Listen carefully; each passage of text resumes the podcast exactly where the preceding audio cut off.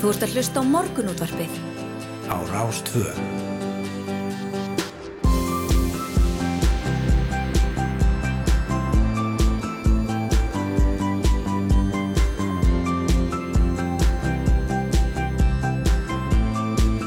Morgunútvarpið Á Rástvö. Jú, góðan og blessaðan daginn. Morgunúttarpið tekur hér hlýlega og mót ykkur 5. daginn 3. februar og hér setja Snæður Sindardóttir og Yngvar Þór Björnsson og verða með til ykkur nýju. Já, já, einmitt. Klukkunum var það núna tímyndir í sjö og þá er ágætt að halda inn í þennan dag, e, faraðins yfir hvað við ætlum að ræða í dætti dagsins og það er margt og mikið eins og, já, vanalega bara hjá okkur snarós. Já, algjörlega. Við ætlum að um, ræða þessum hafís. Já, við ætlum að, að svona upp úr klukkan hálf nýju og eftir þá ætlum við að þess að ræða ja, hennar mikla hafís sem er verið að segja frá núna, e, hafísröndin úti fyrir vestfjörnum var sýttis í gærum 17 sjómílur frá landi en mun stittra er í stóra borgarísjaka. Nú þyrlam landhelgiskeslunar fór í ískönnunar flög í gær og lendi á stærsta jakanum sem er gríðarstór og við ætlum að heyra í gísla, gíslavali Arnarsinni Sigmanni keslunar sem var slakað niður á þennan ís. Ó, hugsaði draumatjóp. Já, einmitt. Þetta er bara geggjað. Æventýri á hverjum degi. Ég held að það sé mikið mæfintir hjá þessum sigumönnum eh, oft náttúrulega í vondu veðri einhvern veginn og, þeirra í, í mikilvægum björkunarleðangurum en síðan einhvern veginn er, er það líka þetta að fá að síga niður á þessa stóra, stóru hafísa og, og hérna, Það fá að gera eitthvað sem að enginn annar í heiminum er að gera. Já, það er svo magnað, sko. það verður áhugavert að heyra í gísla. Algjörlega. En á dögunum fjall líka áhugaveru dómur í hérastum í Reykjavíkur þar sem sjúkartryggingar Íslands voru síknar á kröfu, kröfukonu um endurgreðslega liðskipta aðgerð sem hún fóru í á engareknu skurstofunni klínikinni.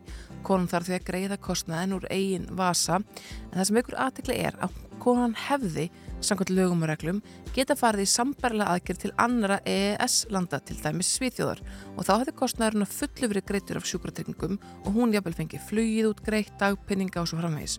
Pakki sem á ímyndað sér að hefði að óbreyttu verið mun dýrari en greiða þurfti fyrir aðgerðina hérlandis.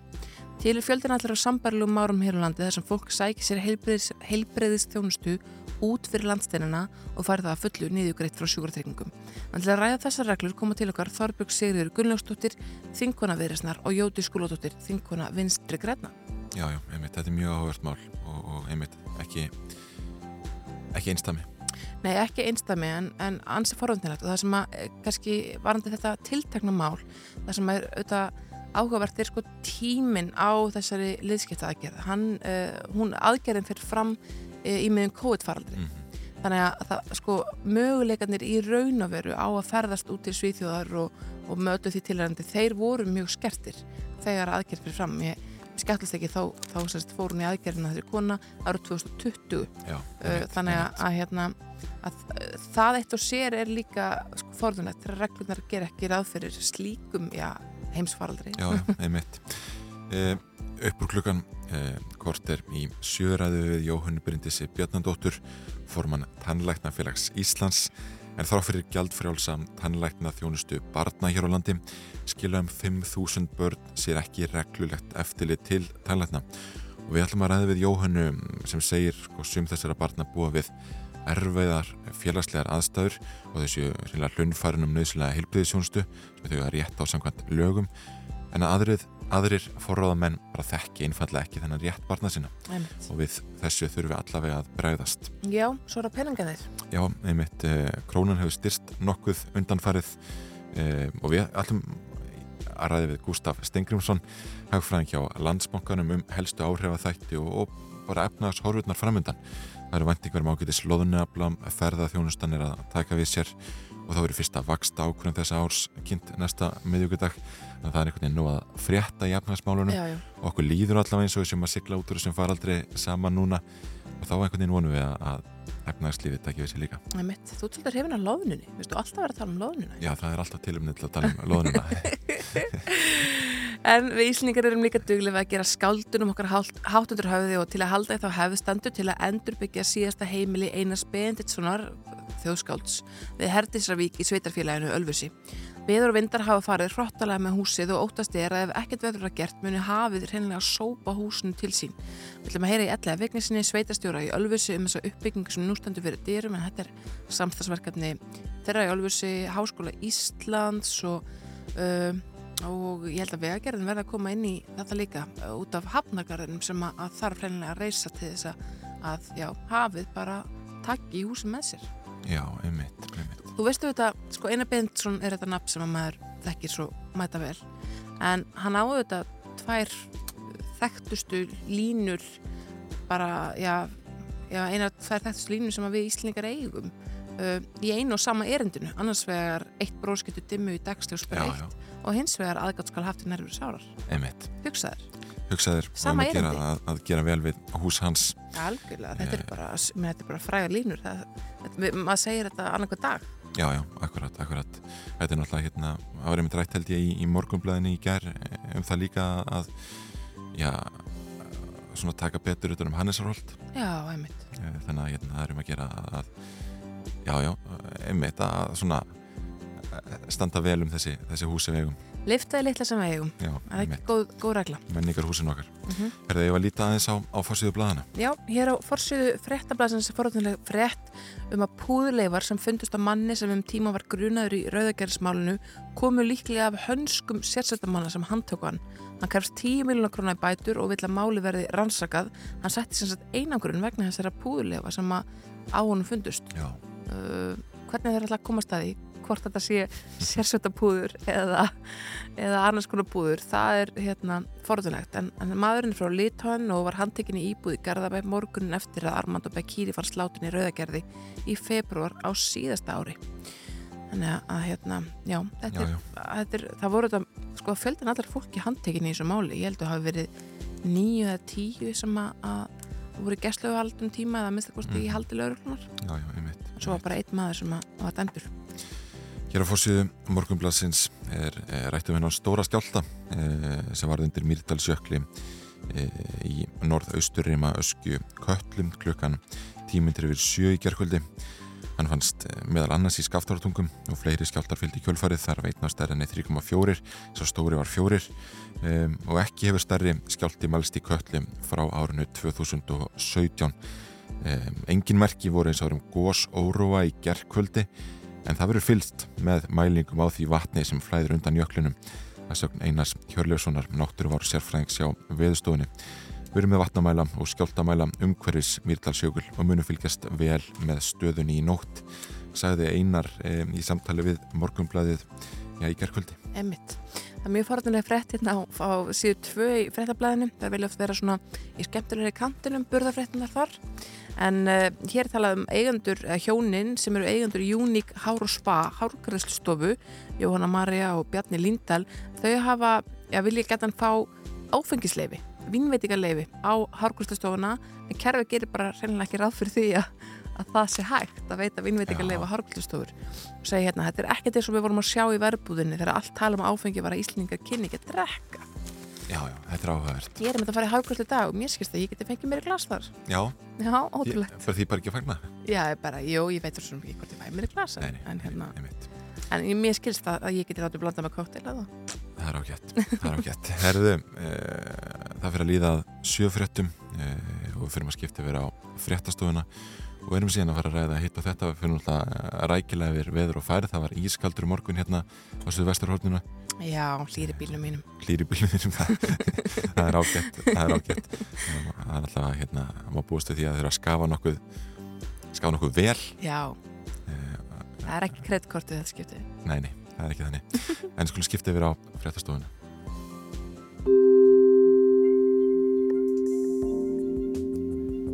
Akrilitir, ólíulitir, akrilitir og ólíulitir, verkfæra lagarinn. Hálkuvarnir, hálkuvarnir, garðlist.is Okið. Þú ert að hlusta á morgunútvarpið. á Rástvö.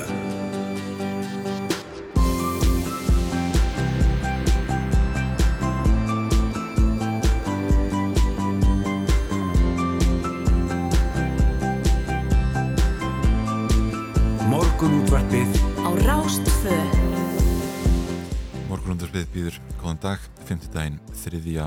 februar, sjöfettur að baki og Yngvar Þór og Snæru Seindaradóttir vera hérna með ykkur til klukkan nýju. Já, virkilega nótalegt hérna í, í hljóðveri efstaleiti dag. Já, hljóðveri 2. Hljóðveri 2, já, emitt. Eh, við förum svona stutti yfir eh, alltaf fjölbreytta efni sem við ætlum að taka fyrir þetta dagsins, þá endur við þáttinn eh, eins og alltaf annar hvert 5. dag á því að ræði við Davík Kjartan Gjertsson menningarblaðamann og vefriðstjóra hann sér okkur öll eh, helstu tíðindin úr heim, heimi eh, tölvuleikjana. Það er náttúrulega alltaf eitthvað áhugavert að gerast. Hann, hann, hann alltaf eftirminnilega sagði okkur frá Wordle hérna sko áður en það var svona geysi vinsælt Já, heldur það sé þessum sem að, að nú spila einu hálf miljón leikin á dag Ég, gæt, ég gæti trúa því að það væri hlustendur morgun út ársins Mjög líklega. Nei, mér skilst hann að tala um Pokémon í dag þannig að það er spurning hvort hann get ekki hýft vinsældir þess leiks eitthvað upp. Ég get alveg trúa því. En svo er það haf Ísröndur út við fyrir vestfjörðum. Við ætlum að tala við Gísla Val Arnarsson Sigmann hjá gæslinni sem var slakað niður á þennan mikla klump sem var þarna sva svamlar í mitt, þyrla gæslinar fór hann í ískonunarflug heilmikill eh, jaki Sko mér finnst bara gegja að veist, ég sé bara fyrir mér að hveðja mannum með mótnana og segja, herri Ástin já, nei, ég verð ekki kvöldmann við verðum í ískonunarflug í dag. einmitt. Það hljómar, það hljómar fullkomið. Hvað er að gera þetta? Já, mér verður slaka niður á ísin í kvöld. Já, mér verður slaka niður. Þetta er það Já, já, þetta er ævintýri. Ekki vaka eftir Algjörst. mér Nei, einmitt Herðu, síðan er það heilblöðismálin. Já, einmitt, eh, það fjall mjög áhugaveru dómur um daginn, eh, þannig bara í stuttumáli uh, sagði frá því að það var kona sem að, að þurfti að fara liðskipti aðgerð á COVID-tímum, tók hana í klíninginni hér á landi mm. og það þýðir að hún fær hana ekki niðugreita en hún hefði fengið aðgerðina niðugreita ef hún hefði farið til Svíþjór til að mynda. Uh, og við ætlum að ræða þessar reglur meðan að við þær Þorburgu Sýriði Grunnlöksdóttur Þingonu Viðrisnar og Jótisi Skúladóttur Þingonu Vinstri Græna því að Já, það kom pínt bánst fyrir sjónir. Já. Það verður bara að segja svo. Og talandum að greiða eða greiða ekki fyrir heilblöðisjónustum, þá ætlum við að ræða barnatænlækningar hérna kortir í áttam, en þrótt fyrir já, gjaldfrálsa tænlækna þjónustu barna hér á landi, skila um 5.000 börn sér ekki í reglulegt eftirlit til tænlækna og við ætlum að ræða þetta við Jóhannu Bryndisi Bjarnadóttur, forman tænlæknafélags Íslands Við ætlum líka að fara aðeins yfir efnagshorfurnar á næstunni og uh, styrkingu krónunar. Það kemur til okkar Gustaf Stengrimsson, hagfræðingur hjá Landsbánkanum. Emitt. Og svo er það uh, þjóðskálduð okkar, Einar Benditsson, þá að endurreysa húsans við Herdisavík í sveitafélaginu Ölfusi og Ellið Vignarsson sveitastjóri þar. Hann verður á línunni hjá okkur bara í upphafið þáttar. Það verður gaman að heyra, gaman að heyra í honum varandi þessa hluti. Já, já, einmitt. Kíkja eins og veðrið hérna, það segir í hugleggingum viðfræðings að þessi norðan og norðvestan kaldi eða strekkingur í dag og snjókoma eða jél en úrkomu lítið sunnanlands. Það hefur víða verið talsvert frost í nótt en það dregur úr því með mótninum frost 1-9 stík eftir hátegi. Talandum veðrið, yngvar, það var mjög forðunlegt að keira Vassmýruna á leiðinni vinnuna í morgun. Mm. Þar var um það beil kannski 50 metra kapli svarta þoka. Já, einmitt.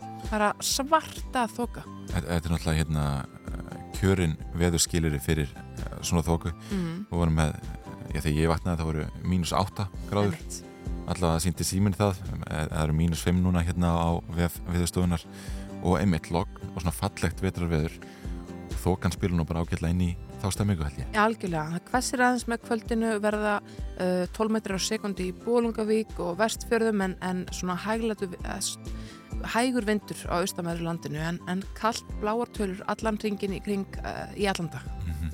Á vegagerðarinnar eh, kemur fram að, að hálkublettir sé, sé á vegum á höfuborgarsæðinu á Suðvesturlandir og hálkublettir á helliseiðum en hálka í þrengslum og hálkaða hálkublettir á flestum öðrum leiðum en eitthvað um snjóþekja og fáfarnar í vegum. Á Vesturlandi snjóþekjaða hálka víðast hvar Á vestfjörðum þungvart í súandafyrði og þæfingsfærð víða annars e, er víða og, og annars hálkaða snjóþekja og, og vegum. Á Norðurlandi hálkaða hálku blettir á flestum leiðum en einhverjum snjóþekju. Á Norðausturlandi hálka eintilansis og hálku blettir með ströndinni. Það voru ófært á Dettifossvegi. Einmitt, á Ísturlandi er hálka á fjörðarheiði en annars hálku blettur á vegum og auðvitað vara við hrindirinnum á færadal og við lagarfljót. Já, Sum... við höldum áfram að vara hrindirinn við fólkinu, ekki, ekki fólki við hrindirunum. Algjörlega. Þetta er alltaf mannesku meða hérna á á vegagerðarina Alltaf manneski miða Það eru hálka og hálkublettur af vegum en snjóþekja útvegum á Suðausturlandi og Suðurlandi hálka á öllum helstu leiðum en snjóþekja á nokkurum leiðum og hólur viða í vegum í Árnes og Rángarvallasíslum Það er ekkert að fara að laga þessar hólur Það er ekki erfitt að ráðast í, í vegaframkvæmdir á, á hérna þegar veðrið er svona? Ég veit það ekki, ég, þekki það ekki nægilega vel. Ég veist bara að segja frá þessum hólum og hverjum eins að degi og ekkert gerist. Það var alltaf rétt að vara að sjá þeim. Mm. Algjörlega. Það var að heyra smá músík og koma svo að vera með spórið með tróðfölla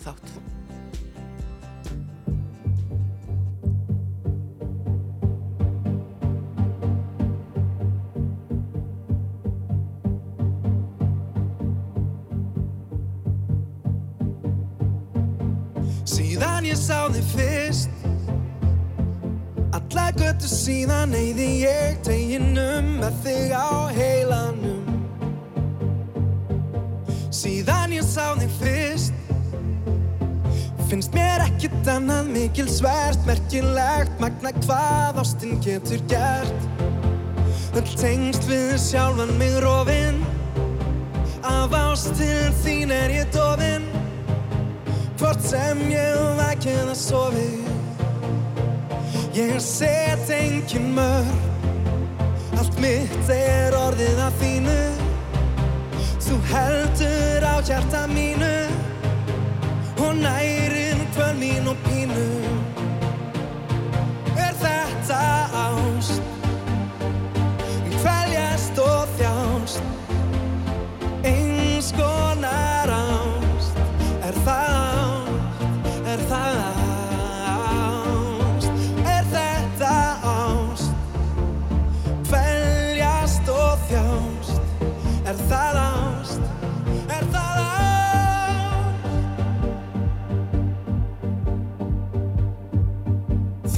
það sem ég vil. Eitthvað meiri háttar þarf að ske til að ég hætti að elska þig. Alveg viss er um það.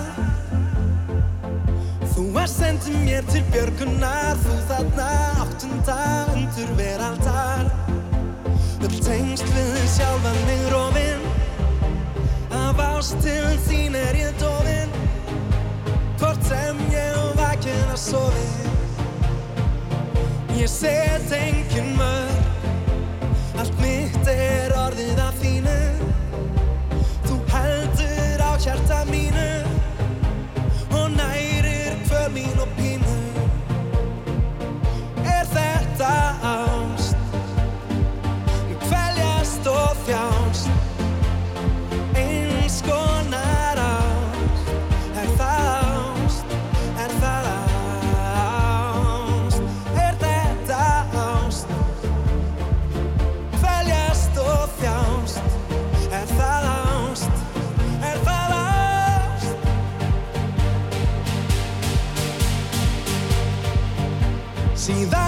Þig fyrst.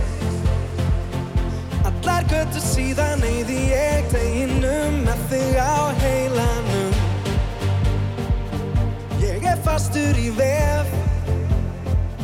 Svona líður allur dagurinn Líka minn fókusinn er alltaf á þér. Öll tengst við sjálfa mig rofinn Af ástil þín er ég dofinn Hvort sem ég vakið að sofi. Ég set engin mörg Allt mitt er orðið að þínu.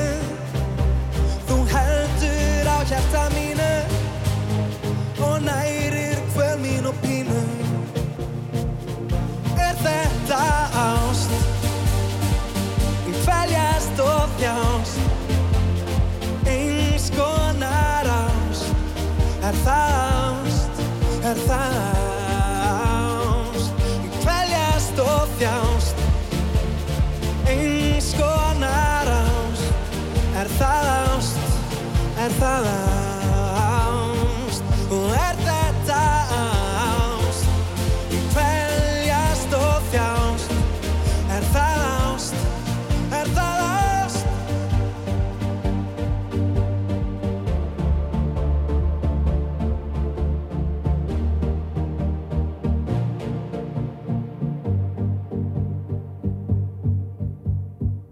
Morgunútvarpið á Rás 2. Já, ég einhver, uh, það er ímislegt að gerast hér í eblingu. Já, já, það er ótt að segja það. Algjörlega. Uh, kemur hérna fram í frettablaðinu að Solvögu önnu hafi verið bóðið sæti á listanum sem að Óluf Helga uh, Adolfsdóttir sem að er varaformaður eblingar núna leiðir sem sagt fyrir næstu formaskostningar. Einmitt, einmitt. Óluf hefur svona komið til okkar en hún staðfestir uh, í þetta er frettavaktinni að, að hérna Nei, staðfest á ringbröð sem sagt, já, að hún og Solva Anna tölust ekki lengur við. Já, þetta er mjög áhugavert. Þannig að þau eru þrjú núna sem berjast um formannstöðuna í eflingum, Guðmundur Baldursson, Ólöf og Solveig Anna Mm. og það er ljósta að, já, það, þetta er hérna heilmikil baráta. Um, það kemur hérna fram að, Solveig segir hér í, í fréttablaðinu að henni hafi ekki verið bóðið efstasætið. Um, Nei, þó búið sæti á já, listanum. einmitt, einmitt. Þetta er svona flókið í þessu stættafélagi, það er sko A-listin sem er veru listi uppstilningarnemndar og allir aðrir sem bjóð fram lista þurfa að sapna eitthvað svona meðmælum og, og fara í alls konar mumbo jumbo til þess að bjóða þessu fram Mm uh, og svo er valið á milli. Ef að sagt, það þarf að velja milli sem að þarf bersinlega í þessu tillit, tilviki sko. Já, einmitt. Það kemur hérna líka fram í, í fréttablaðinu sem, um, já, við höfum svo sem heyrt, held ég líka að þrá fyrir þessa ólgu, munum margir félagsmenn telja að, að Solveigana sé sigur stránglegust í kjörunum Mm. en það sé hún besti talsmaður verkalýsbárhættu sem kostu sér á um, segir hér í fréttablaðinum þrátt fyrir samstárs örðuleika Mhm. uh, og þetta, er, þetta eru 20.000 mann sem er að, að kjósa mikil fjöldi Algjörlega. Sko við hefum fengið bæði Ólifa Helgu til okkar og Guðmund Baldursson sem að er að bjóða sér fram til formanns en uh, okkur eru ekki orðið kápan og klæðinu með að ná í solvöðinu og fá hana í þáttinn uh, og það á svo sem við um uh, fleiri fjölmjöla ef ég skilur rétt að það gengi illa að ná í hana og fá hana til viðtala í kjölfarið af þessu formannsframbúði. Það verður áhugavert að fylgjast með hvernig þetta fer núna á, á næstu dögum og, hérna, og það grein alltaf nú að frétta. Já, algjörlega. Það er mikið stemming þannig. Herðu, við ætlum að fara að ræða aðeins húsnaði Einars Benediktssonar hérna eftir smá. Ég kannski fá eitt lag eh, fyrst frá ja, Damon Albarn. Hann var nú hérna svolítið að milli tannana á fólki núna, hvernig var það í síðustu viku þegar hann talaði um það að Taylor Swift eh, væri ekki að semja eigin lög, Já, Taylor Swift svaraði honum. Svaraði þessum íslenska ríkisborgara. Já, og fór í, fór í þetta hefbundna hérna, ég var nú mikill aðdáðandiðin þangað til ég sá þetta. Já, sem kom mér svolítið óvart ég Já, já. gerði mér ekki grein fyrir að Taylor Swift væri mikill aðdáðandi Damons Albans og spurningin er hversa, hversu mikið er til í því Já, og Damon svaraði þessu ef til úr húsnaði sinni í Grafavogi og segir að, já, blaðamaður hafa þarna klift út einhverja tilvitnin í hann sem var miklu lengri og, og væri hérna ekki rétt Já. bast afsökunar þessu en þetta er Royal Morning Blue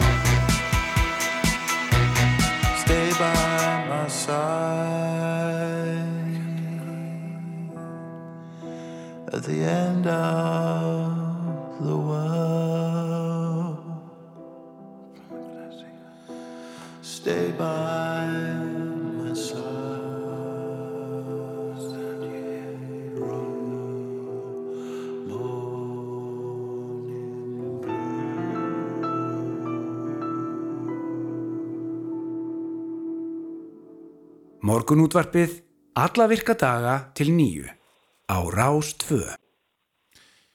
Við Íslendingar erum djúlega að gera skáldunum okkar hátt undir höfði og til að haldi þá hefð stendur nú til að endurbyggja síðasta heimili Einars Benediktssonar við Herdísarvík í sveitarfélaginu Ölfusi og viður og vindar hafa farið ráttalega með húsið og óttast er að ef ekkert þau eru gert muni hafið sópa húsin í apel til sín og elliði eh, Vignisson, sveitarstjóri í Ölfusi er komin á línuna, góðan daginn.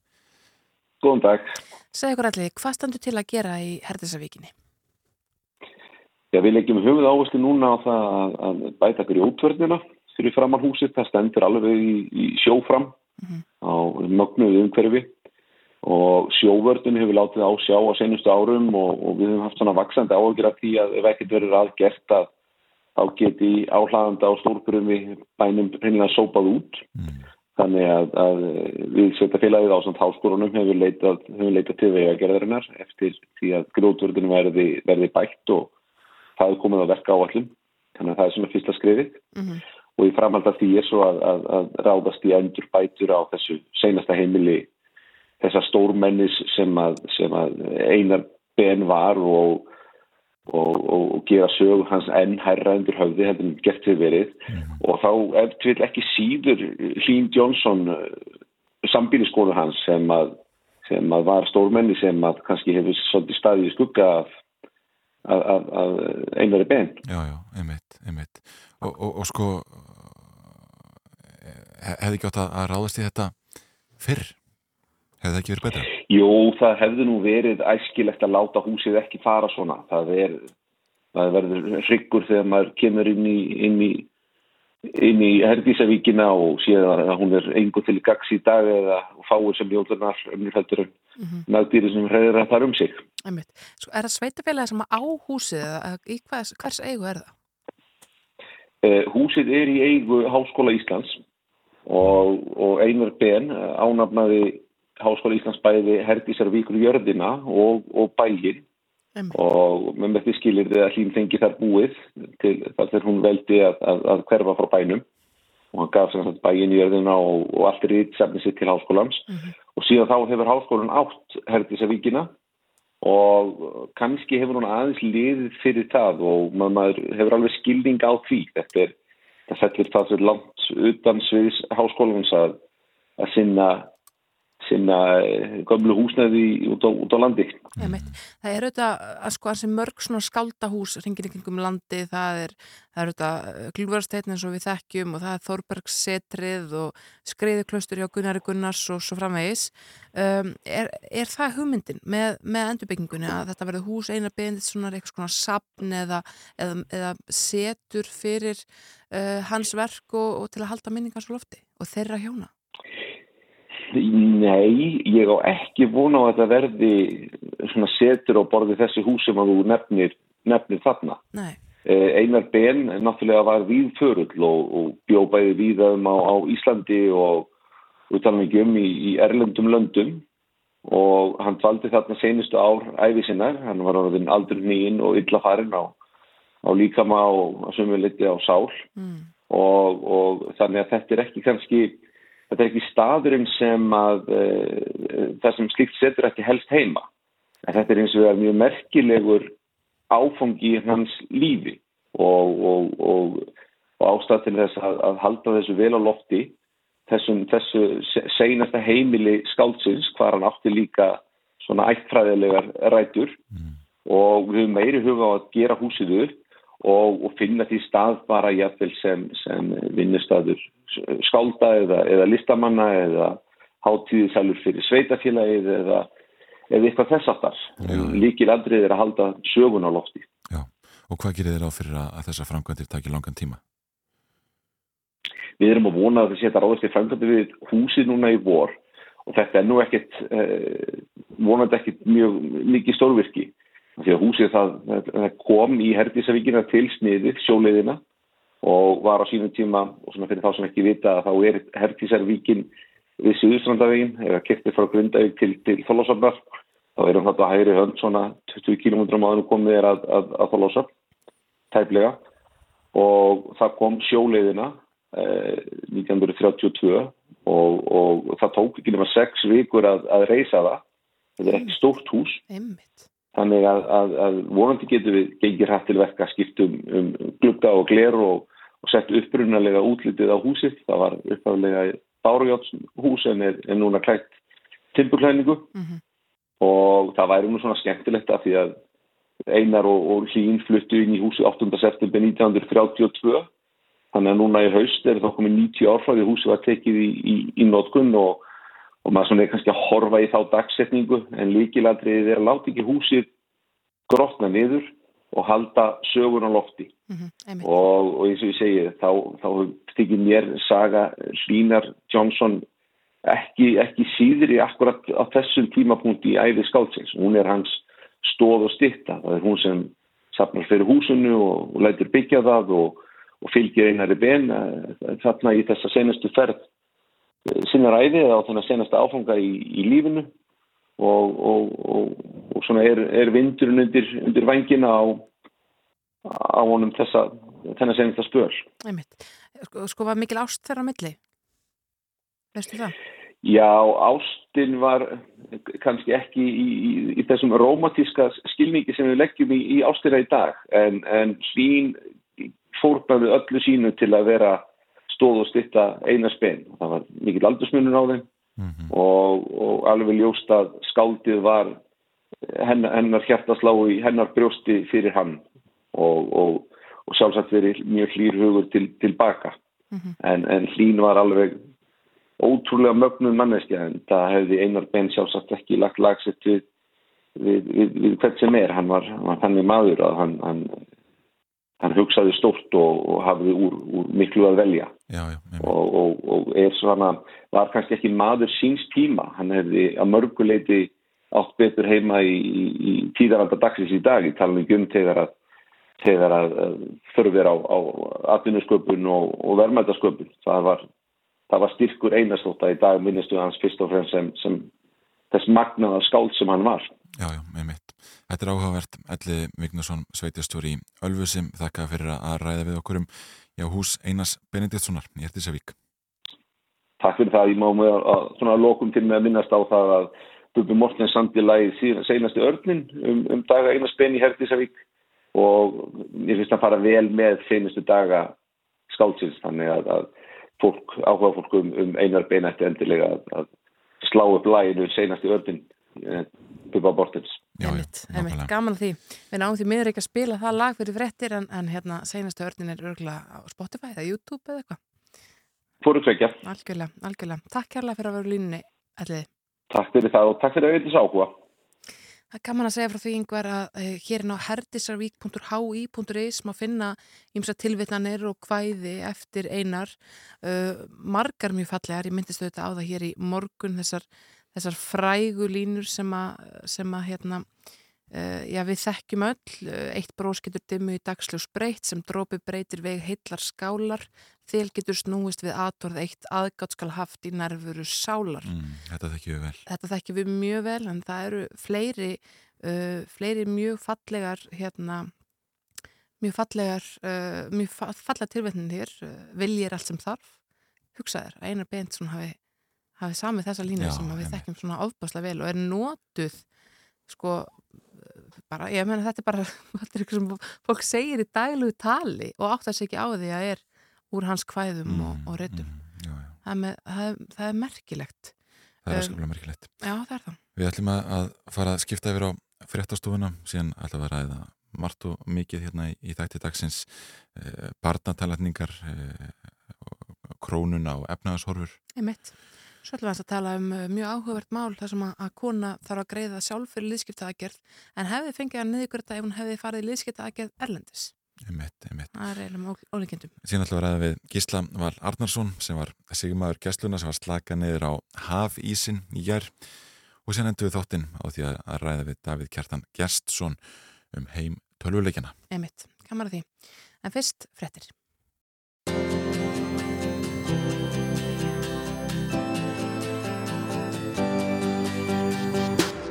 Þú ert að hlusta á morgunútvarpið á Rástvö. Jú, jú, þið það geta. Við höldum hér áfram í morgunútvarpinu og ætlum að tala eins um krónuna hér rétt og eftir. Jú, jú, og efnaðsvörðunar framundan. Eh, Krón hefur styrst nokkuð undanfærið og, og Gustaf Stengriðsson, hagfræðingur hjá Landsbankunum, ætlar að ræða þetta við okkur. Eh, Án og áhört að heyra hérna í, í frettæfilitinu að lauruglunni Nóri hafi kert sveitarfélagi Gertrum. Já, emitt. Fyrir eh, í, áslokk 2020. Eh, þetta er náttúrulega hérna, eitthvað sem, sem fjallaði mikið hér á landi. Eh, og hér á VF Rúf er rætt við oddvita sveitafélagsins sem segir ákjöruna mikið áfall að fólk sé hvort vekja hissa og sorgmætt vegna hennar. Og að spyrja hvort sveitastjórin hefði ekki getað bröðist betur við þeim viðvörunum sem laurugluna vísa til. Þá svarar Östensen eh, oddviti sveitafélagsins að það sé visslega rétt að það hefði verið að bregðast við betur og að fólkið sem eh, sveitarstjórnuna skipar til sér langt í frá fullkomið. Mm -hmm. Þetta hérna, hefur eflust fjallað um þetta mál áfram næstu mánuðina. Emitt.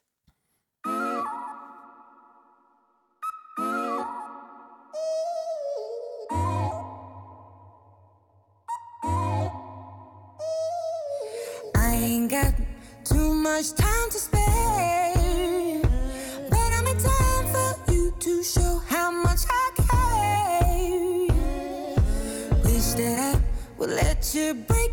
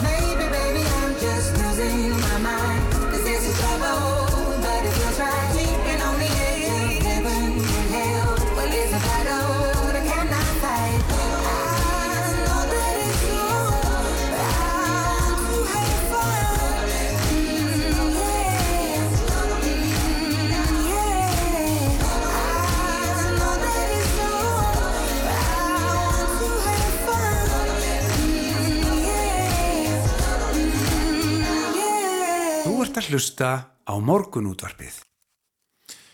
Við ræðum reglulega hérna efnagashorfurnar og, og stöðun á íslensku krónunni og hann er komin ykkar til okkar Gustaf Stengrinsson, hagfræðingur hjá Landsbankunum, góðan daginn.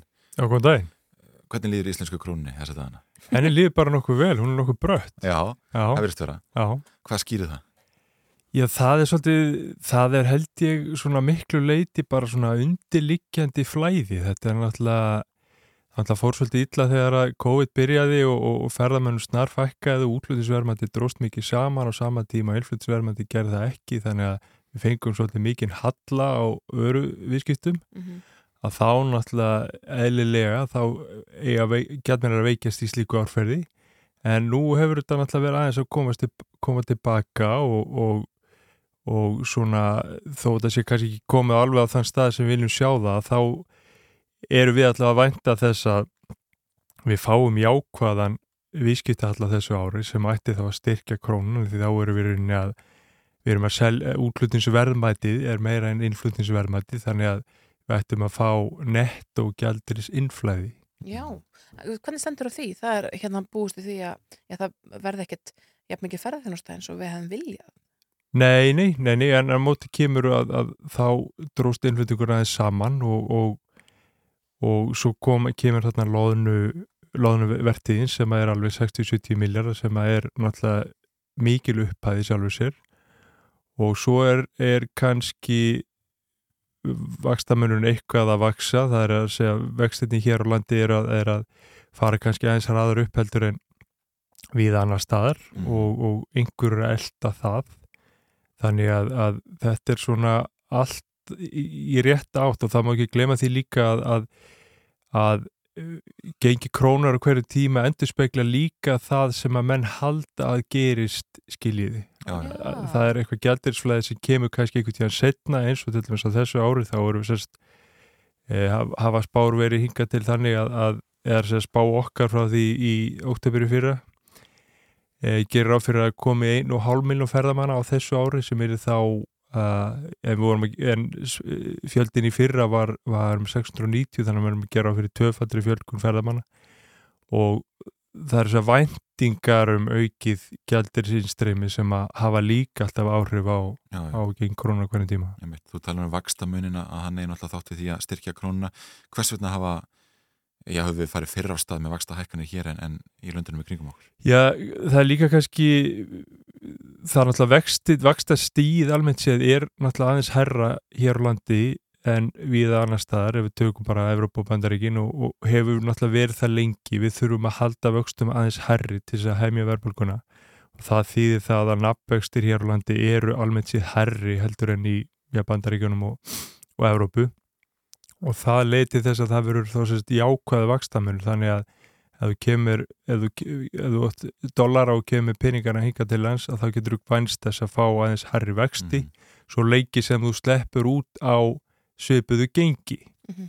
En ef að gengi veikist, skiljiði, þá ertu kannski jafnvel settur eins og þú hefur bara verið áfram í, í dólar. Einmitt. Við vorum með Guðmundinga Guðbrandsson ráþara hér í gær, hann uh, já, skellti skuldinni svolítið varandi verðbólguna á verðbólgu erlendis uh, meðal annars sko, mm, en af hverju hefur verðbólga erlendis áhrif okkur ef að krónun er sterk?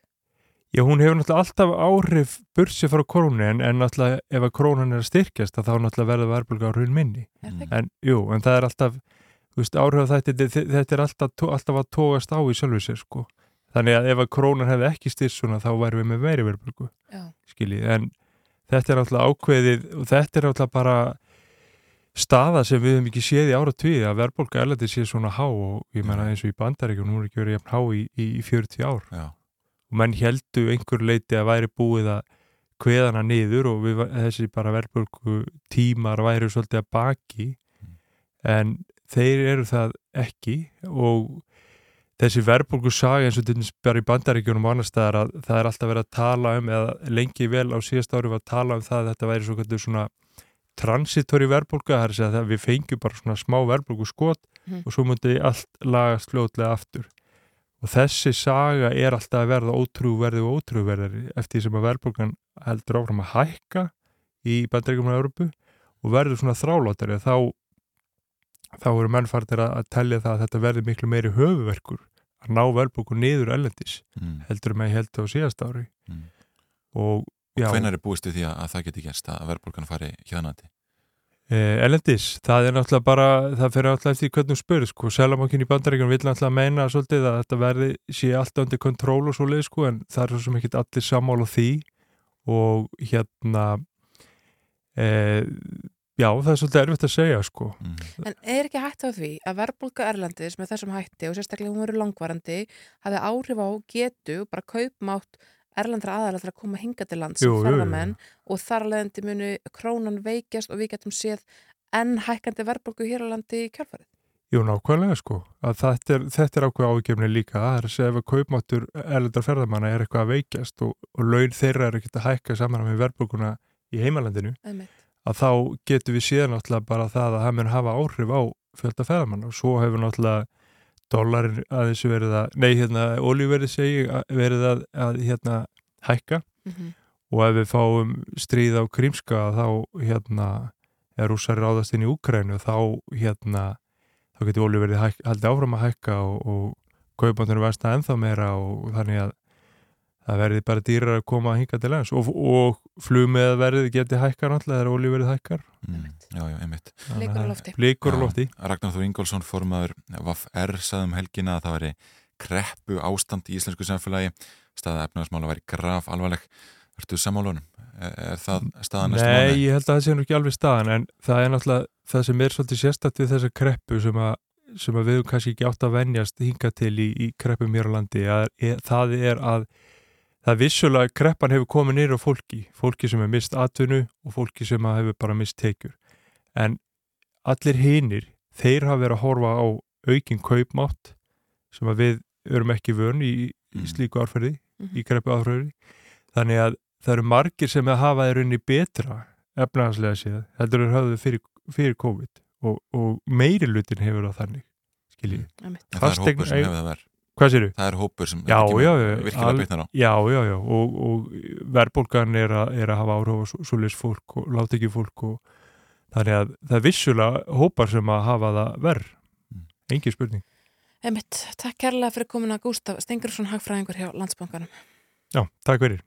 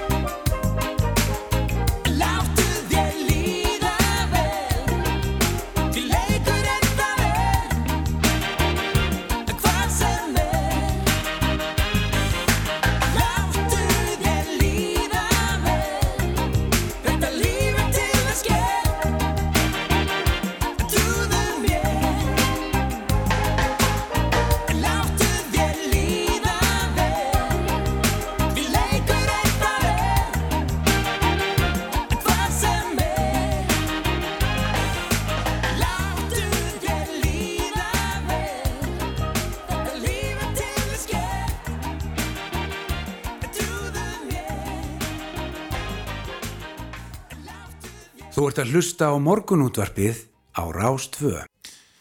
Jú, jú, láttu þér við- líða vel, þannig að geta að taka það inn í þennan februarmánuð. Já, algjörlega, takk fyrir það. Herðu, eh, við ætlum að ræða aðeins eh, tannlækna núna, það er þrótt fyrir gjald frjálsa tannlækna þjónustu barna hér á landi. Skila um 5.000 börn sér ekki reglulegt eftirlit til tannlækna. Hún er komin ykkar til okkar Jóhanna Bryndís Bjarnadóttir, formaður tannlæknafélags Íslands, góðan daginn. Já, góðan dag. Hvers vegna eru þessi börn ekki að skila sér í þetta eftirlit? Vitið þið það? Sko, það er náttúrulega hérna erfitt að segja og, og hérna hvað veldur en, en við svona erum að ákveðna kenningar um það að það séu bara reynlega bara svona skortur á upplýsingum og fræðslu til foreldra og forraðamanna Mm. að fólk bara reynlega viti ekki hvernig þessum málum sé háttað á Íslandi eða er bara að fólk bara reynlega viti ekki Já, já. og hérna og það þarf náttúrulega að taka tilliti þessi í, í þeim málum að, að hérna, það er ört, ört stækkandi hópur fólks á Íslandi sem er ekki með íslensku sem móðmál Mm. og þar gæti náttúrulega komið inn í að, að, að, hérna, að það þarf að taka tilliti þess og, og koma sérst, upplýsingum og, og fræðslu á ellen tungumál þannig að, að, að hérna, fólk já, bara viti hvernig er í pottin búið.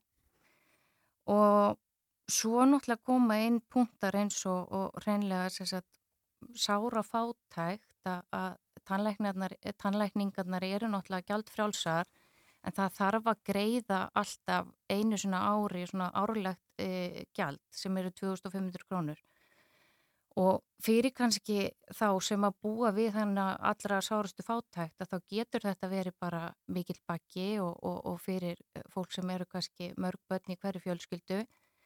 Og svona þessi punktur kannski spilar inn í hinn punktin sem ég rætti hérna á undan varðandi skort á upplýsingum að kannski ef að fólk veit ekki alveg hvernig hlutirnir eru þú veist, þar ég að borga 2500 krónu einu sinni eða þar ég að borga það í hvert skipti eða er skoðunin frí eða þar ég svo að borga fyrir viðgerðina Mhm. að þá náttúrulega líkur hlutarins eðli að þeir sem að búa við hérna allra sárastu fátækt að þeir svona kannski veðri sér við að mæta að bara hræðslu við að stopna til eitthvað skulda sem það getur ekki staði við. Mm. Hve- Hvernig myndu þið vilja mæta þessu?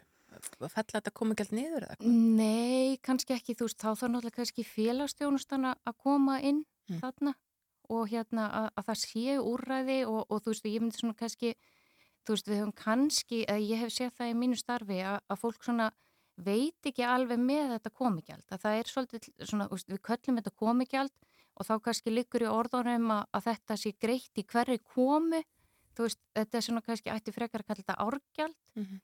Og, og þú veist og þetta gjald er svo sem ekki hátt og hefur ekki hækkað frá árinu 2013 það er sama krónutala og það var þá þegar þetta var sett á en þú veist, jú, það þarf eitthvað að skoða það þú veist, það er hópur þarna sem að kannski áerfitt með að Mm. já, að bara ná endum saman og, og Hvað er komið gjaldið Það er mikið? 2000 2500 krónur og það er bara greitt einu svona ári. Mhm. Við erum að leggja mikla áherslu á það að fólk átti sig á því að þetta er bara greitt einu sinni á 12 mánuða fresti. En hvað á fólk að fara oft með börn sín til tannlæknis? Er það árlega, er það annarkvært ár? Mm, Hvað, Við mælum með því að börn mæti í árlegt eftirlit Já. til tannlækna. En svo vildi ég líka nefna punkt að, að við náttúrulega vitum það líka að, hérna, að það eru börn á Íslandi sem búa reynlega við vannrækslu og búa við erfiða félagslegar aðstæður þannig að, að, hérna, að bara þörfum þeirra er reynlega ekki sint sem skildi. Einmitt.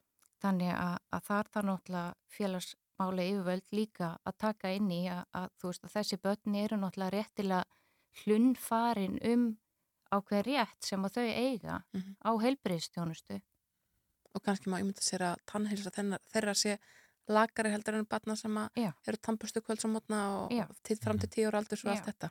Það er náttúrulega ennþá mikilvægur að grípa þessi börn bara hratt og vel og Mhm. jafnvel innan bara leikskólana að við vitum það alveg að það eru börn á Íslandi á leikskólum bara með tampinu, Mm. falin af tampinu þannig að, að það er mjög mikilvægt að, að grípa þessi börn hratt Mm, og, og bara snemma. Já, já, og hvernig væri best að gera það? Þur- Þurfa félagsmáli yfirvöld einhvern veginn að starfa betur með, með hérna, ykkur tannlæknum og, Já. og fagfólki Já, þú veist þetta þarf náttúrulega að vera samvinnu verkefni margra stjætta. Einmitt.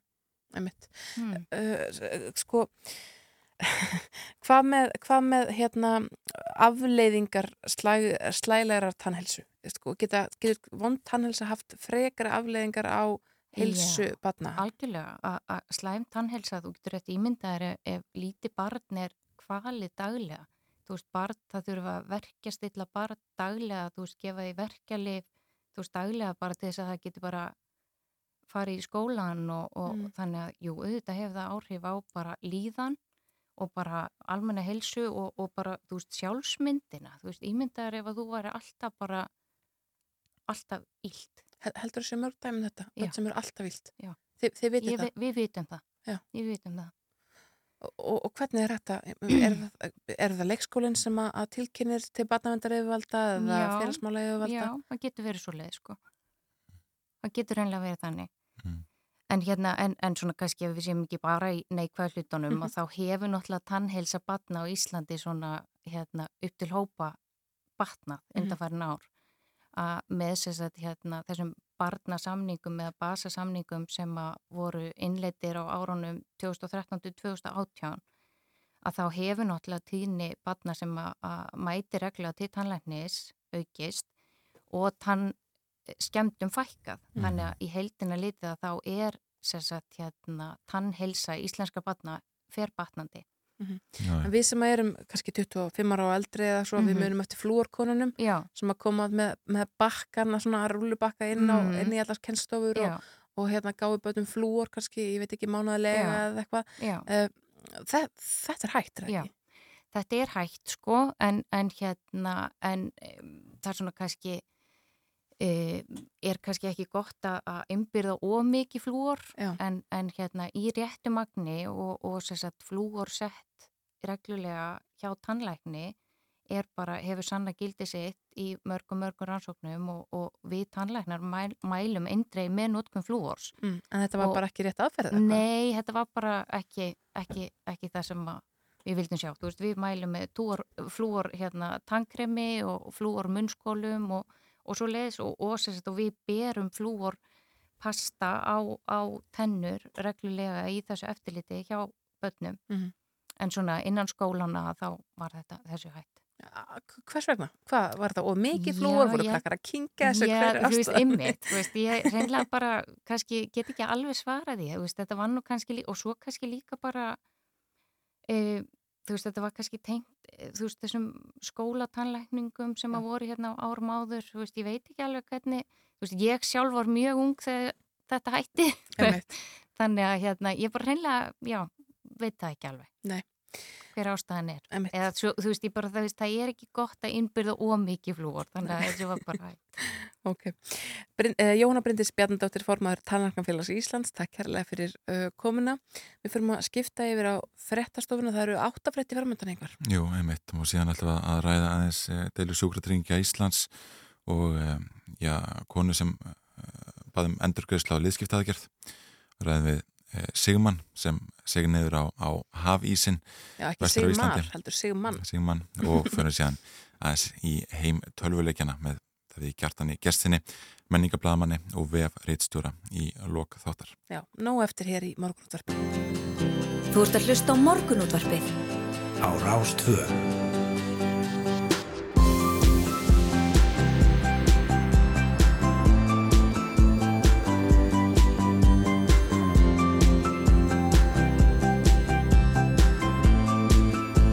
Rástvö. Morgunútvarpið Á Rástvö.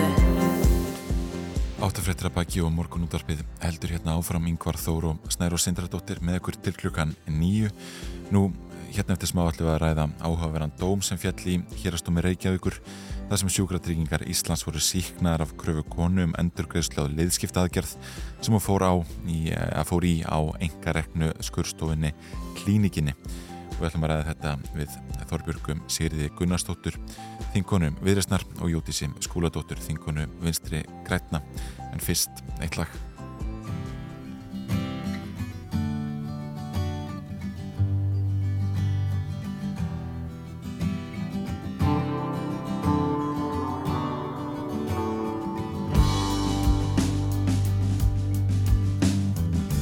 Baby blue, you have no clue. My dreams are still about you. Building castles in the sand with flowers wrapped around you. Yeah, but I still remember you. Maybe I should stop loving you. Or that could ever ring true. Going down that sweet avenue, some shadows of you. Yeah, but do you miss me too? Take me back to the morning light, where our love shone so bright. Where the story brings me back to you, where I can still hold you,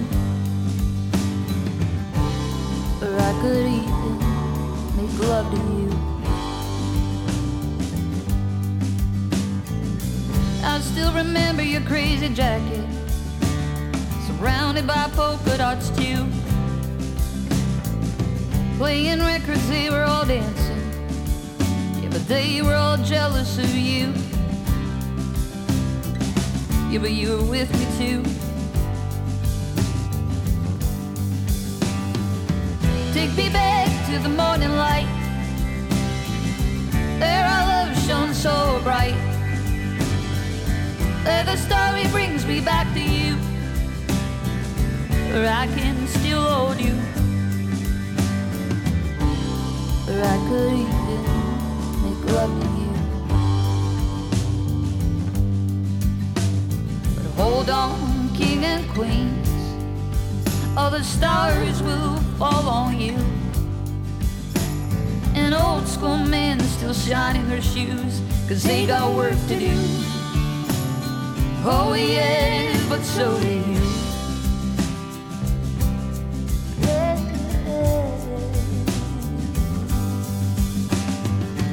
Take me back to the morning light Where our love shone so bright Where the story brings me back to you Where I can still hold you Where I could even love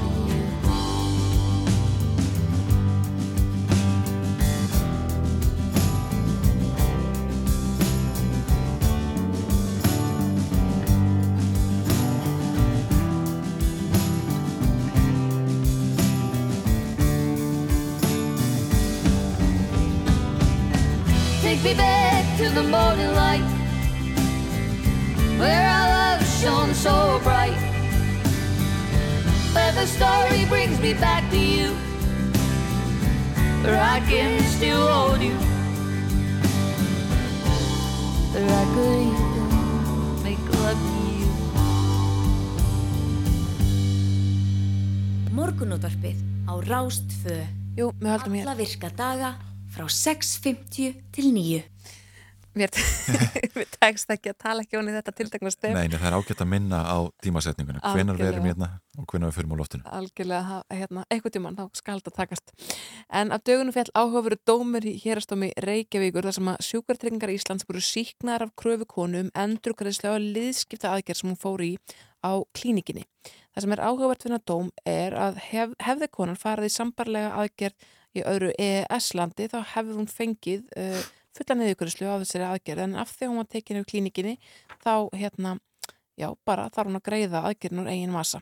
Það eru komnaringað Þorbrug Sýrir Gunnlaugsdóttir Þingkona Viðresnar og Jótís Skúladóttir Þingkona Vinstri Græna til að ræða svona, ja, þessar forvöldnilegu reglur sem að, að hérna, við allavega svona uh, liftum brún yfir þessu. Já, já, hér. einmitt eh, Góðan daginn Daginn, Góðan daginn. Sko, maður lítur á, á þennan dóm og þetta lítur hálf furðulega út uh, sko, hvernig blasir þetta við ykkur? Er þetta dæmum brotalamir í helbriðiskerfunu?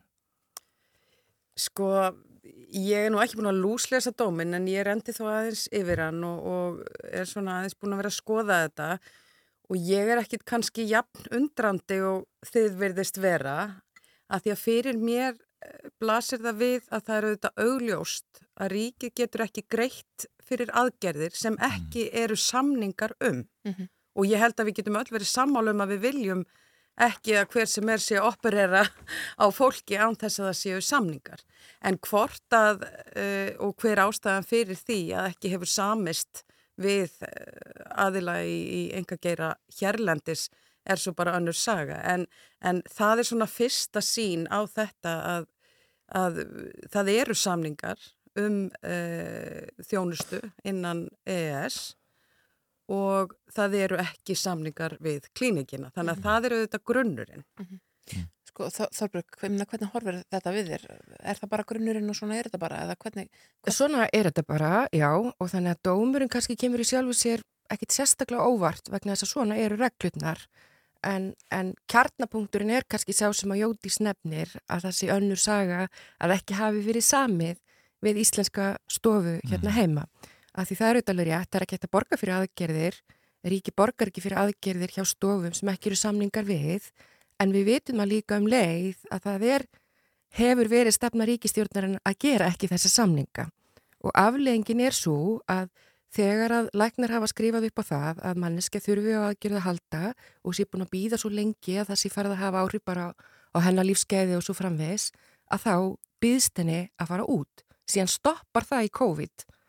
Það var ekki verið að senda fólk út og, og þessi manneski held ég hafi þá bara látið að reyna að fara og, og borgar þá held ég 1,2 miljónir fyrir það að fara í þessa aðgerð. En hérna, reglan er svo að þegar að byðin er orðin þannig að hún þykir ekki bóðleg af hálfu íslenska stjórnvalda að þá býðst sjúklingnum annar kostur. Og þú veist, þá er greitur meðferðarkostnaðurinn úti, það er greitur ferðarkostnaður, það er greitur kostnaður við uppihald og það er jafnvel greitur kostnaður vegna fylgdarmars.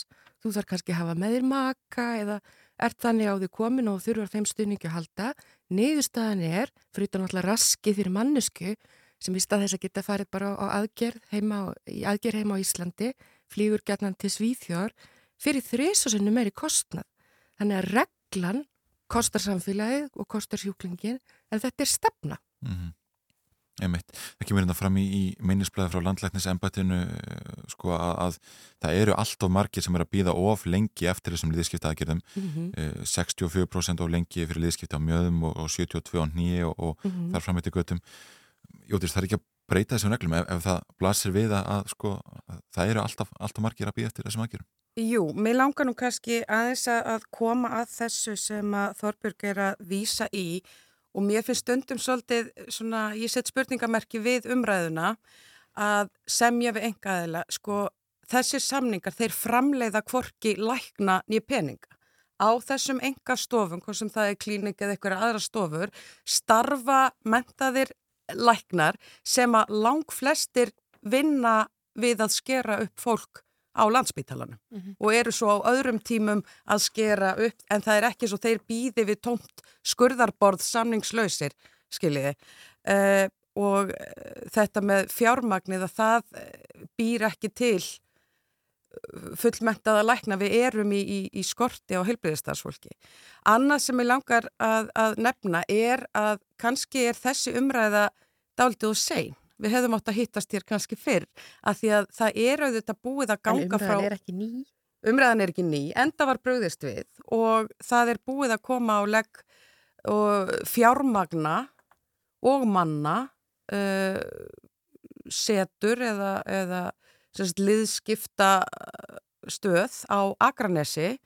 Hún mun á þessu ári sinna 200 aðgerðum og eftir það munu þær verða um 260 á ári þannig að bygglistarnir munu, það mun anna eftirspurn. Mm. En, en, en ef, að, ef að það er þessi mikli uh, mannafls skortur, skortur á heilbyrði starfsfólki, hvernig stendur þá því að við getum uh, saksað bygglistina annar staðar, hvort sem það er í klínikin eða akranesi eða, eða hvað svona svo sem er? Ég held nefnilega að punkturinn sé að, að hérna við sáum að til dæmis bara í COVID að farsælt hins, eh, samstarf hins ofinböra og enga geirans sjáum bara Þórólu og Kára að hérna það getur bara vel orðið e, farsælt og auðvitað er það þannig að sjálfstætt starfandi læknar geta einmitt létt á, á álægi hjá LSH.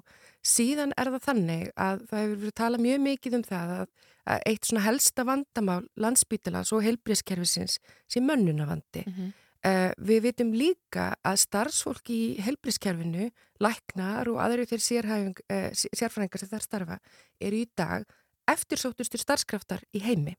Þannig að þá er það líka ábyrra hlutverk hjá stjórnvöldum að skapa starfsumhverfi fyrir til dæmis þá íslensku lækna og þá íslensku hjúgrunafræðinga sem hafa valið sér þetta fagsvið að það sé aðlandi að koma hingað heim til að starfa. En það eru alveg rétt hjá Jótísi að fjármagnið er ekki endalöst og svona starf sem er verður þetta alltaf byggð á samningum en vegna þess að fjármagnið er ekki endalöst þá er algjörlega óforsvaranlegt í mínum huga að vera að greiða hérna heiminháar upphæðir e, fyrir aðgerðir sem farast fram í öðru landi e, fyrir margfald, margfaldna þann kostna sem við myndum kosta að leysa úr, úr þessari aðgerð hérna heima. Og það bætist við líka að, menna ég held að sé alg, það er engin ágrinningur um það í íslenskum stjórnvöldum að við höfum verið með þetta norranna kerfi mm -hmm. sem byggir á jöfnu aðgengi óháð efnahag, við viljum líka að það sé óháð búsittu og það vantar nú tölvert upp á það. Eh, og, og grunn hugmyndir sé svo að ríki borgar. Um, ágrinningur snýst einmitt um það ætlum að virka krafta allra eða bara þeirra sem eru starfandi hjá ríkinu og við sjáum þetta í öðrum greinum líka með talmennafræðinga og sálfræðinga og þekki það þjónust eh, þau svið en meni, ég held að þetta sé um 1600 manns sem býða og ég veit að landsbítalan talar um það að það bætast týjir við á bygglista í hverjum einasta mánuði.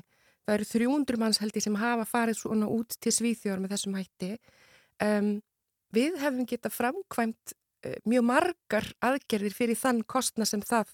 Þannig ég, stóri punkturinn er, er peningum okkar best varið með þessum hætti og svarið er bara svo augljóslega nei. Auk þess að þetta framkallar þú veist, viðbótar álag fyrir fólk. Þú ert lengur frá vinnu þegar þú ert að fljúa til útlanda.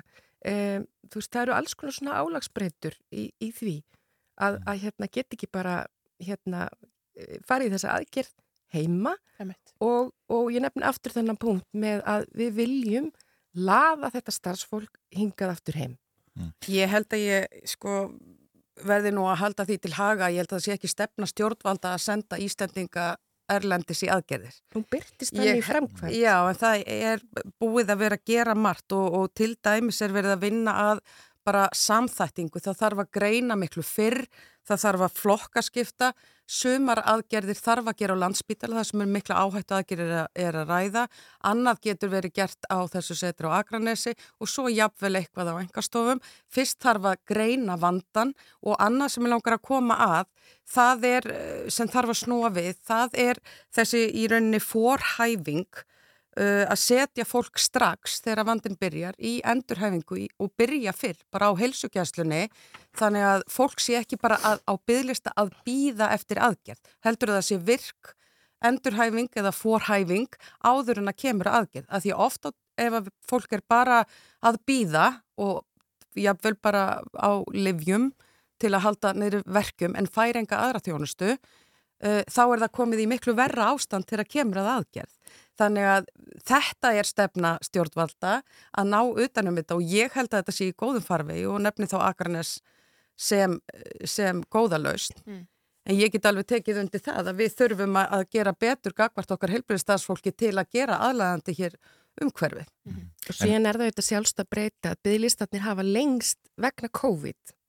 Álægi hefur verið og við vitum náttúrulega hvað það er á spítalanum þannig að þeir eru að lengjast en gögnin liggja fyrir. Það kom út skýsla frá heilbríðsraður sjálfum fyrir þáverandi mm -hmm. e, í mass 2021 og þá sér maður líka að vegna þess hvað byðin er laung að þá er það alltaf að hækka það hlutfall fólk, sílt að sé um 10% e, sjúklinga í dag sem að eru þá velja sér að fara inn á klíník, borga sjálf, þannig að sko, ég hugsa að það hafi ekki verið hugmynd vinstri græna þegar þeir kerðu þetta mótel, aflengin verður tvöfalt kerfi, mm. það eru þeir sem borga og svo vegna þess að fólk er einfallega bara orðið svo þjáð en getur borgað mm. en hinn er býðað. Já, einmitt.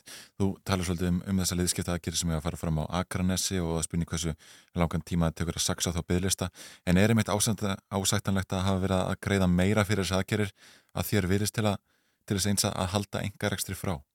Ég, við erum ekki bara að halda engarekstri frá og við verðum auðvitað að horfa á stóru myndina, við þurfum að horfa á stöðuna uh, hjá Læknafélagi Reykjavíkur og sjúkratrenginga. Það hefur ekki gengið vel. Nú er, er, er hérna ekki búið að semja við sérgreinalækna og við getum ekki alveg sama hvar. Það er ekkit óæðilegt og ég held að VAFG standa ekkit í vegi fyrir því að ákveðin afmörkuð heilbriðistjónusta sé uh, að svo þjónusta sé keift af engaðalum í gegnum samninga við ríkið. En samningar sem hafa verið í gildi, til dæmis þessi máli kringum sérgreinalækna, við getum hort til S.A.A. og við getum hort til fleiri enga aðila sem er að sinna ákveðnum afmörkuðunum verkefnum, það verður að vera opið, það verður að vera bara útbóð, það þarf að greina hvaða þjónustu vantar, við getum ekki bara skrúað alltaf meir og meir frá ríkiskrananum og án þess að spyrja spurninga, án þess að hafa þetta bara eðlilega eftirliti, er þörfa á þessum aðgerðum, hvað eru margir á bygglista, hverjir er í forgangi. Mm -hmm. Svarið er ekki bara, gefum þetta bara allt frjálst og, og svo bara borga ríkið. Ég held að það sé engin að tala fyrir því, samningur eru þetta alltaf leiðin, en punkturinn kannski að þegar að álæði er með þeim hætti sem þeir á landsbytalanum og við höfum verkfærin og við höfum úrræðin á Íslandi og við höfum meira þess að umgjörina sem tryggir það hvað eigi að borga með hverri aðgerð. Mm -hmm. Þannig að þetta er, ein, þetta er ríkið borgar en spurningum ætlum við að virkja alla krafta eða bara suma. Mm. En Þorberg, hér bendir Jótis á það að eitthvað þessum læknum sem að vinna á einhverjum stofunum, eitthvað sem þeim skulleiknum þeir vinna líka á landsbytalanum og, og svo framvegis, þá er ekki bara að bæta stöðun á landsbytalanum á því að sko, er ekki hægt á því að einhverjum kerfið reynist eitthvað dýrara, hagnaðadreifin fyrirtæki komið til með reynist eitthvað dýrara heldur en gerir. Ekki þegar, að, ekki þegar fyrirleikur hvaða aðgerð kostar og, og það er bara greitt samkvæmt því. Bara eitthvað landsbytila taksta þá? Að þetta eru samningar og það likur fyrir hvað, hvað, hvað aðgerðirnar kosta. En auðvitað er það alveg rétt að sömur þessara lækna starfa á spítala og, og starfa á stofum og það leiðir auðvitað sjálfu sér að þú ert ekki að gera aðgerð á tveimu stöðum í einu. En þetta er samt útvarslættrið og ekki stóra hindrunin í þessu. Að því að við sjáum það alveg að þeir, þessar stofur geta létt undir. Uh, stóra, stóra viðfangsefni eru er auðvitað styrkja landsbítalan en við erum með blandað helbriðskerfi í dag og ég held að fólk átti sér ofta ekki á því þegar fyrir til læknis hvort hann er sjálfstætt starfandi að hluti á ríkisgerunum einfallega vegna þess hvernig við höfum smíða kerfið mm -hmm. uh, um, um greiðslu þáttöku. Þannig að ég sé þetta ekki sem, ekki sem stóra vandamálið og ég öllu svo tali um kostnað af því að kostnar, bara við vitum það að hann er margfaldur við að senda fólk út það er það, tap fyrir ríkið. En svo það líka horfa ávinningin í því þegar að fólk er að býða eh, að, að koma fólki fyrir út eh, það getur jafnvel þannig hjá ungu fólki sem bara mann sem meðist á nýja og hann býður svo lengi að það hefur í för með sér sko langvarandi helsutjón að koma fólki fyrir inn á vinnumarkan og, og, og hérna í, í virkni aftur og aukin lífskeiði Þannig að ég held að sko með því að smíða skýra reglur og það hefur að tekist á öðrum sviðum þá verður þetta ekki vandamál vegna þess að við erum með norrænt kerfi og við erum með fasta vermi og það hvað hlutirnir e, kosta og það er ekki þannig að það verði bara hérna skrúa frá einhverjum krana. Það verður aldrei þannig að því að fjármagnir er ekki til þess og enginn vil stunda þannig heilbyrgspolítik. Mm -hmm. Jótis, er það heitan? Sko ég vísa aftur í, í þessi mál uh, sem að voru nú tekinn fyrir hérna í einhverjum sjónvastætti kveikað einhverju varðandi sérgreina læknana. Að þegar við erum með hagnaðardryfna heilbriði stjónustu þar sem að þú bara ert með opinn tjekka og bara því fleiri aðgerðir sem þú gerir það er ástæðan fyrir því að þetta kerfi gengur ekki upp. Ég er að segja það þarf að greina, það þarf að samþætta, það þarf bara að bjóða út þetta er þörfin og semja um það, en það þurfa að vera aðeila báða megin. Er ekki einhver dæmi þess líka þessir íslenski sjúklingar þeir fara á engastofur til Svíþjar? Það eru dæmi um þess að fólk sækir sér hvað og tannlækningar og hvað sem er erlendis. Á kostna ríkisins?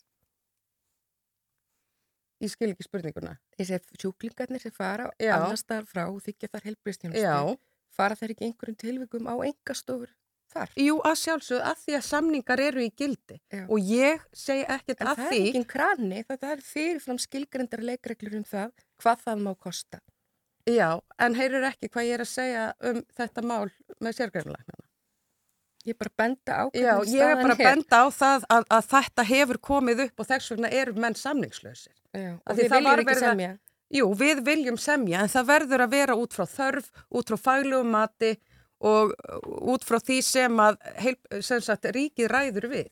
Ekki enga geirin getur ekki stýrt í hvaða fjármagn á að koma inn. Nei, við getum rætt þessi mál ef við í marga klukkutíma, við bara getum það því En við miður erum ekki skipti. vaknaðar. Allir vaknaðar hérna í þessu stúdíu Þorbrug Sigriði Gullangsdóttir og Jóti Skúladóttir, takk kærlega fyrir komuna. Já, við ætlum að fara að skipta yfir á fréttastofuna ræðið síðan aðeins hafísin og tölvuleiki Já, já, allt, þetta allt er- hvað hérna. Þetta er fjölbreytt hjá okkur í dag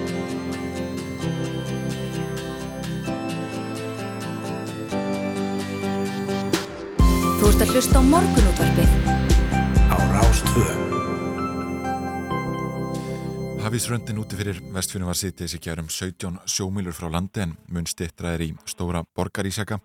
Nú þyrla landhelgiskeslunar fór í ískönnunarflug í gær og lendi á stærsta jakanum sem er ja, gríðarstór.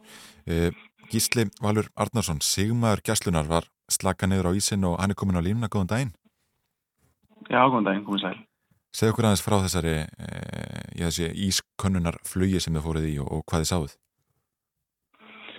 Já, uh, þessi ískönnuflugur fátíð orðin hjá okkur þar sem að teknin og gerfin að það myndir annars lít leysa þessa, leysa þessa ferði svo sem svona mestu leita hólmi en uh, stegar að tilum til þá fyrir við tíma dreifingin á hafisnum og sem að er og, og þessum borgarísöku sem að er upp í landi sem er kannski aðeins fyrir að ferðinni heldur en við erum heldur við erum vön Já, já. og hérna við komum, eða vissum svo sem að þessum jökum sem að gerna þetta myndirnar höfðu Mm. látið í dag og það var bara spurningum að fara að kíkja á það og, og mynda og, og hérna nýttum tækifæði og, og lítum bara á hann hamlulega. Hvað voru þið lengi cirka að fljúa í átt að, jakanum bara frá það, það sem þið lögðu á stað? Já, við lögum Reykjavík og þetta var svona rúmlega tvekja tíma flug beint út í jakan með við komum í þessum sem að er hann úti fyrir húnaflóa og, og við myndum líka að skoðum annan minni jaka sem að var þannig að milli þeirra tvekja stóru. Já. Þannig að svona árum og tvær klukkustundir. Já, já, einmitt, einmitt. Og, og hvar er þessi stóru nákvæmlega? Já, þegar að við uh, skildum við hann, þá var hann um uh, 54 sjómilur norð-norðaustur af hotni að gera svona í kringum 100 kilometra. Já, svona það má segja bara til norðurs frá, frá Hotbjergi. Þannig að þetta er flugur spotti þarna norður af. Og náttúrulega gríðar stór. Eru þið með nákvæmar mælingar á, á stærðinni? Við svo sem framkvæmdum enga mælinga þannig síðan en þetta myndir sem að væri um kílometra lengt og 500 metra breyður sem að er náttúrulega bara alveg ótrúlega stórt og ég er nú í, í hérna hafísfræðingum börnum hjá okkur gær og, og ég held að fræðilega heita á þessi ís eiga sem að er kannski að að öllu leiti réttara heldur en borgar ísæki þar sem að þetta er bara gríðastort en á svona flatumáli tíð þá er þetta um, jafn stórt og, og flati að breyða fyrir því í rauninni. En uh, Vá. byrjingurinn á þessu eða sem sagt hliðatan á þessu eru kannski hverki undir 15 metrum. Wow, og það er sem svona bara giska á þetta. Þannig að hún er herri en flati á breiða fyrir eitthvað. Já svona alla jæfna já þótt að flati kannski ná í einhver staðar 15 metra eða, eða eitthvað slíkt þá er, er hverki hæðin undir 15 metrum á þessum, á þessum jaka Nei, Magna. Já. Magna. Þú, tal, uh, þú talar um það að hérna, uh, þú talar um það að þegar þið skildu við hann þá hafa verið þessar 54 sjómilur frá landi. Sko, er hann á, Mm. er hann á flegi ferði eða hvað? er náttúrulega bara vindur og ströymar og sjólaga eftir að bara að leiði ljós hvert hann í runni, hann er kannski ekki á flegi ferðni en hann er kannski heldur ekki þetta að hérna reikna út ferðina á af því að þetta var bara eins og að lenda í runni á föstu landi eða, eða standa á föstu landi þannig að maður fann ekki fyrir nokkur einstur heifingu Já, já. en hérna honum verður vantilega bara fyllt eftir á þessum gerin hattamyndum og við fljúum út í hann bara eftir, eftir þörfum og, og hérna veitum alltaf bara sjófærandum upplýsingar um þetta bara eins eftir besti getið til tekið öryggi þeirra Já, já, akkurat. Þú ert náttúrulega sigmaður hjá landalískjallinu og þér er slaka niður á ísin þarna. Sko, hv- hvernig virkar það ferli allt saman og, og hvernig var að standa á þessari íseyju? Já, það fyrir þannig fram að flugstyrinn færi vélina bara yfir svona einhvern álíklegan staða sem að við ákveðum í saminningu að ég færi niður á og hérna, hann heldur henni síðan fara með hann að spilmaðurinn slaka mig niður. Svo hérna, þegar ég er komið niður og búin að ná fótfestu eða svona ánæða með stöðuna sem maður er komin í þá bara losaði ég á króknum eins og við gerum þarna og, fyrir hann flýgur bara frá og tók hérna ringi kringum jakan með að ég stóð bara hana einn á eiginni í rauninni. Og hérna það var bara bara mikil upplifun. Já, bara stórfenglegt í rauninni sko já, það ekki. þetta er ekki eitthvað sem að hérna, margir fá að upplifa þannig að maður nýtur bara hvers augnabliks í þessar aðstæður Já, akkurat. Stendur einn þarna á ísjakanum og, og bara horfur á náttúruna allir kring og ísinn. algjörlega, bara að reyna að meðtaka þetta allt og, og gleipa, Mm. njóta Við vorum með þess að öfundast út í því í morgun þegar við vorum að ræða það að við ætlum að ringja í þig, vorum að tala um að hérna, þetta væri svolítið svona sko, mikið ævintýri þetta starf sem þú sinnir, uh, hvernig ákvæmst að þú erðir sigmaður, ég meina er þetta hluta af framtíðaplönum síðan þú varst krakki að ætla, ætla að verða að upplifa ævintýri í vinnunni? Já, hann má kannski segja það. Í, í rauninni, jú, þetta er algjört forrættindastarf getur verið alveg útrúlega skemmtilegt eins og ég segi maður, það er tækifæri á að fara á alls konar staði og upplifa alls konar hluti sem að, sem að hérna, mjög fáir fá svo sem að upplifa. Um, það má kannski segja svona beint og óbeint hafi maður stenda þessu uh, síðan ykkur tíman úr æsku sko, en allt þetta bara við það að starfa sem stýrimæður hjá landríkskjöltunni hafi svo sem heitla í mjög langa tíma og, og, og það sem hafa stenda að og það er sem sem enginn í þessu starfi en þannig að maður nýttir bara í rauninni þessar ára sem maður hefur færi á að sinna þessu starfi. Já, og síðan er þetta svo merkjuleg blandið mitt af því af verkefnið sem það fórst í í gær og líka náttúrulega erfuðum björgunin aðgerum og þetta, þetta er rosalega í fjölbreytt verkefni lítur að vera. Jú, jú, jú, jú, það getur verið það og, og hérna það er alveg rétt. Bústu við því að skoða hafísin eitthvað frekar? Já, það er aldrei að vita, við kannski nýtum hérna, ég, ég er nú svo sem á tilfinningar hans ég nú ekki að fara langt á næstinni, þannig að ég regna með því að við eigum eftir að kíkja á hann eh, hérna oftar og, ég vil framkvæma eitthvað svipað. Og hérna ég regna með að kollega mínir eh, líka eftir að fá að vilja upplifa svipað eða það sama Einmitt. þannig að hérna við fylgjumst með hann bara eins og eins og, eins og við höfum gert held ég Og hann er það hár að hann mun ekkit fara fram hjá þeim skipum sem að, að fram hjá honum sigla? Það, það, Nei, það verði- hérna, nokkuð vissum það Nei, nei, ég, ég vona að við höfum náða hérna koma þessum upplýsingum um þessa borgarísíkja ágætlega framfæri til súfærenda og, og þeir ættu að vera vel varið við og rata rána slíkt þannig að hérna stafi svo sem ekki mikið hætta þeim þessum fáskipum sem eiga leiðin, leiðin, leiðin þetta sæðala það sem stóri er, er. Nei, nei, nákvæmlega. Gísli Valur Arnarsson, Sigmaður hjá Landhelgiskeslinni, takk fyrir að vera á línni. Já, takk fyrir. Við þurfum að skipta um starfingar, það er alveg augl- Það augljóst. alveg á hreinu. bara hugsaður að standa á þessum ísaka og bara, það er bara víðátta í allar Mhm. áttir. Ís og blár heiminn og ekkert annað. Já, maður getur raunin ekki ímyndið sér þetta. Þetta er, þetta er eh, kannski svip að horfa hérna í kringum okkur í, í hljóðverið í. Aldrei að vita, aldrei að vita. Nei, nei, þetta er líka að fylgta æfintýri með þessu starfi, það er alveg rétt. Það er alveg hárétt og algjör fórhendið líka. Já. Eh, við ætlum að að skoða aðeins heim tölvuleikina hérna eftir smá. Við fáum fyrst eitt lag. Þetta er Renegade með Big Red Machine og Taylor Swift. Það er mitt.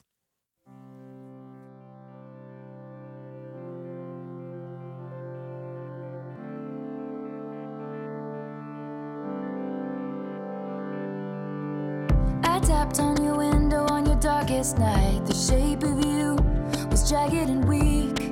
There was nowhere for me to stay, but I stayed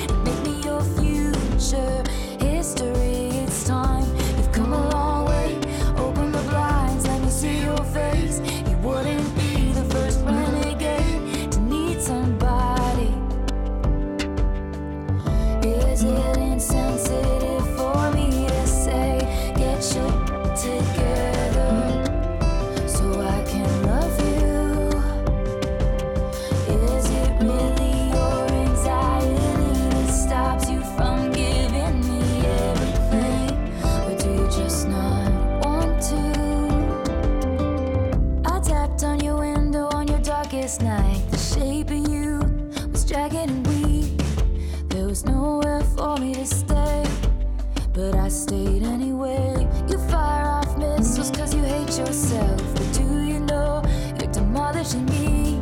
And then you squeeze my hand as I'm about to leave. Are you really gonna talk about timing in times like these? Let all your damage damage me and carry your baggage up my street. Make me your future history. It's time you've come a long way. Open the blinds, let me see your face.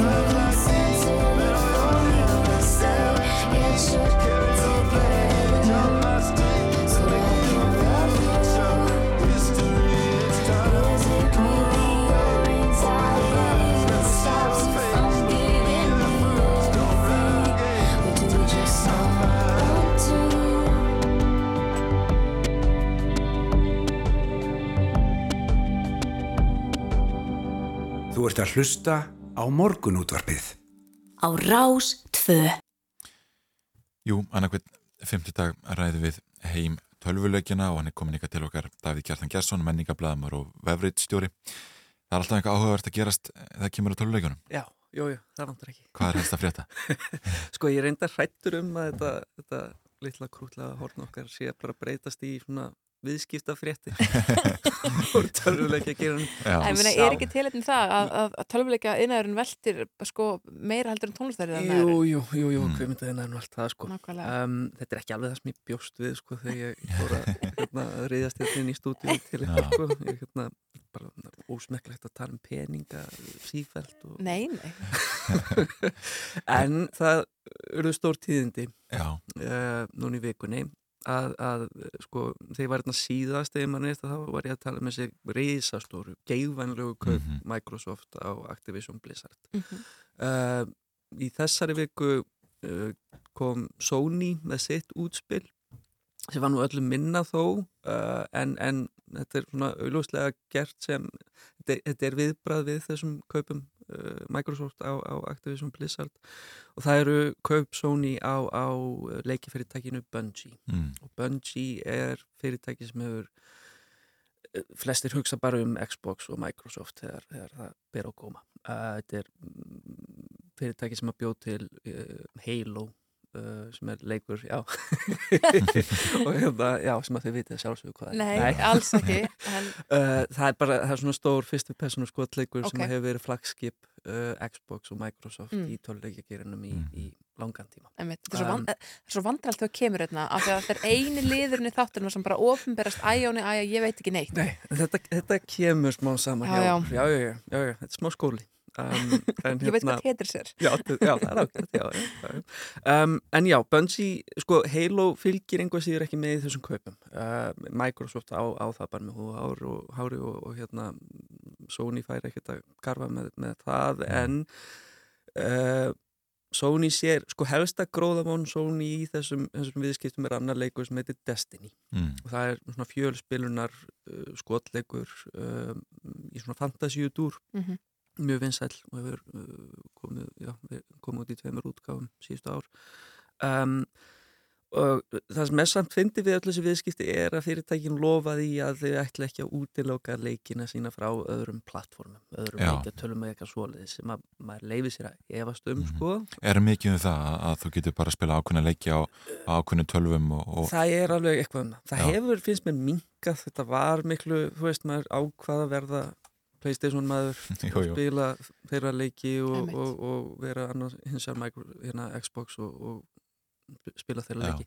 En þetta er orðið miklu meira fljótandi og leikinni koma út Mhm, alls þar og þeir bara fyrirtækin græða mest á því.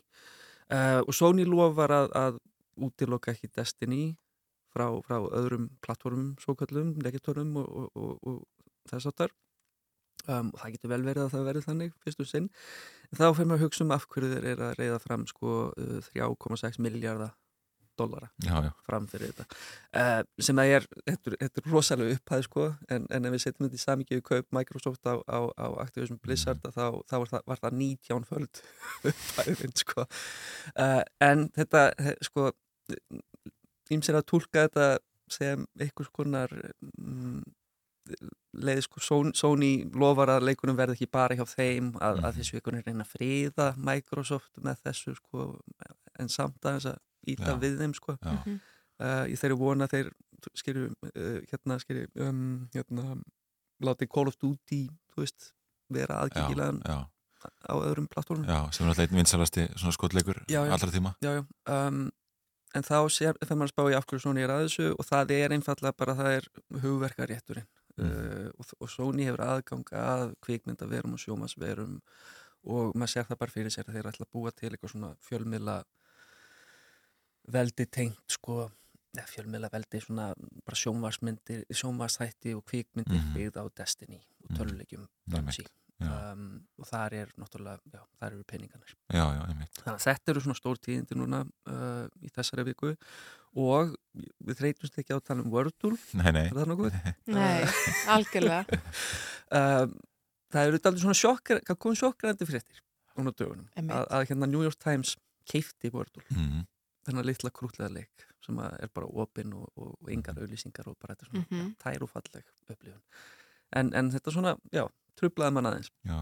um, og, og New York Times hefur ekki gefið upp sko nákvæma upphæð uh, sem blæðir eitthvað fram fyrir, fyrir leikin en, en sagði að þetta væri sjö tölustafa upphæð Já. sem getur já, þýtt allt frá miljón dólarum upp í tæpa tíu Mm. miljón Já, já. dólara 9,99 já, já, já, já. Og þetta er, þetta er í rauninni ótrúlega upphæð fyrir þennan Já. klikkur litla leik sem Já. að, sem Og kannski ekkit algengt að sko að fjölmiðl sé að kaupa tölvuleik Uh, Og já, þá- hvað þá dagblað sko. eða hvað þá Já, dagblað. En það sem að kannski fæsti vita er að New York Times er aldrei svona upplugt á þessu sviði sko. Mm. þau, þau halda úti svona leikja stúdíó í rauninni sem að einbeita sér að svona orðaleikjum, krossgátum Já. og, og sudoku, þrautum og alls konar svona hlutum Einmitt. í þeim dúr.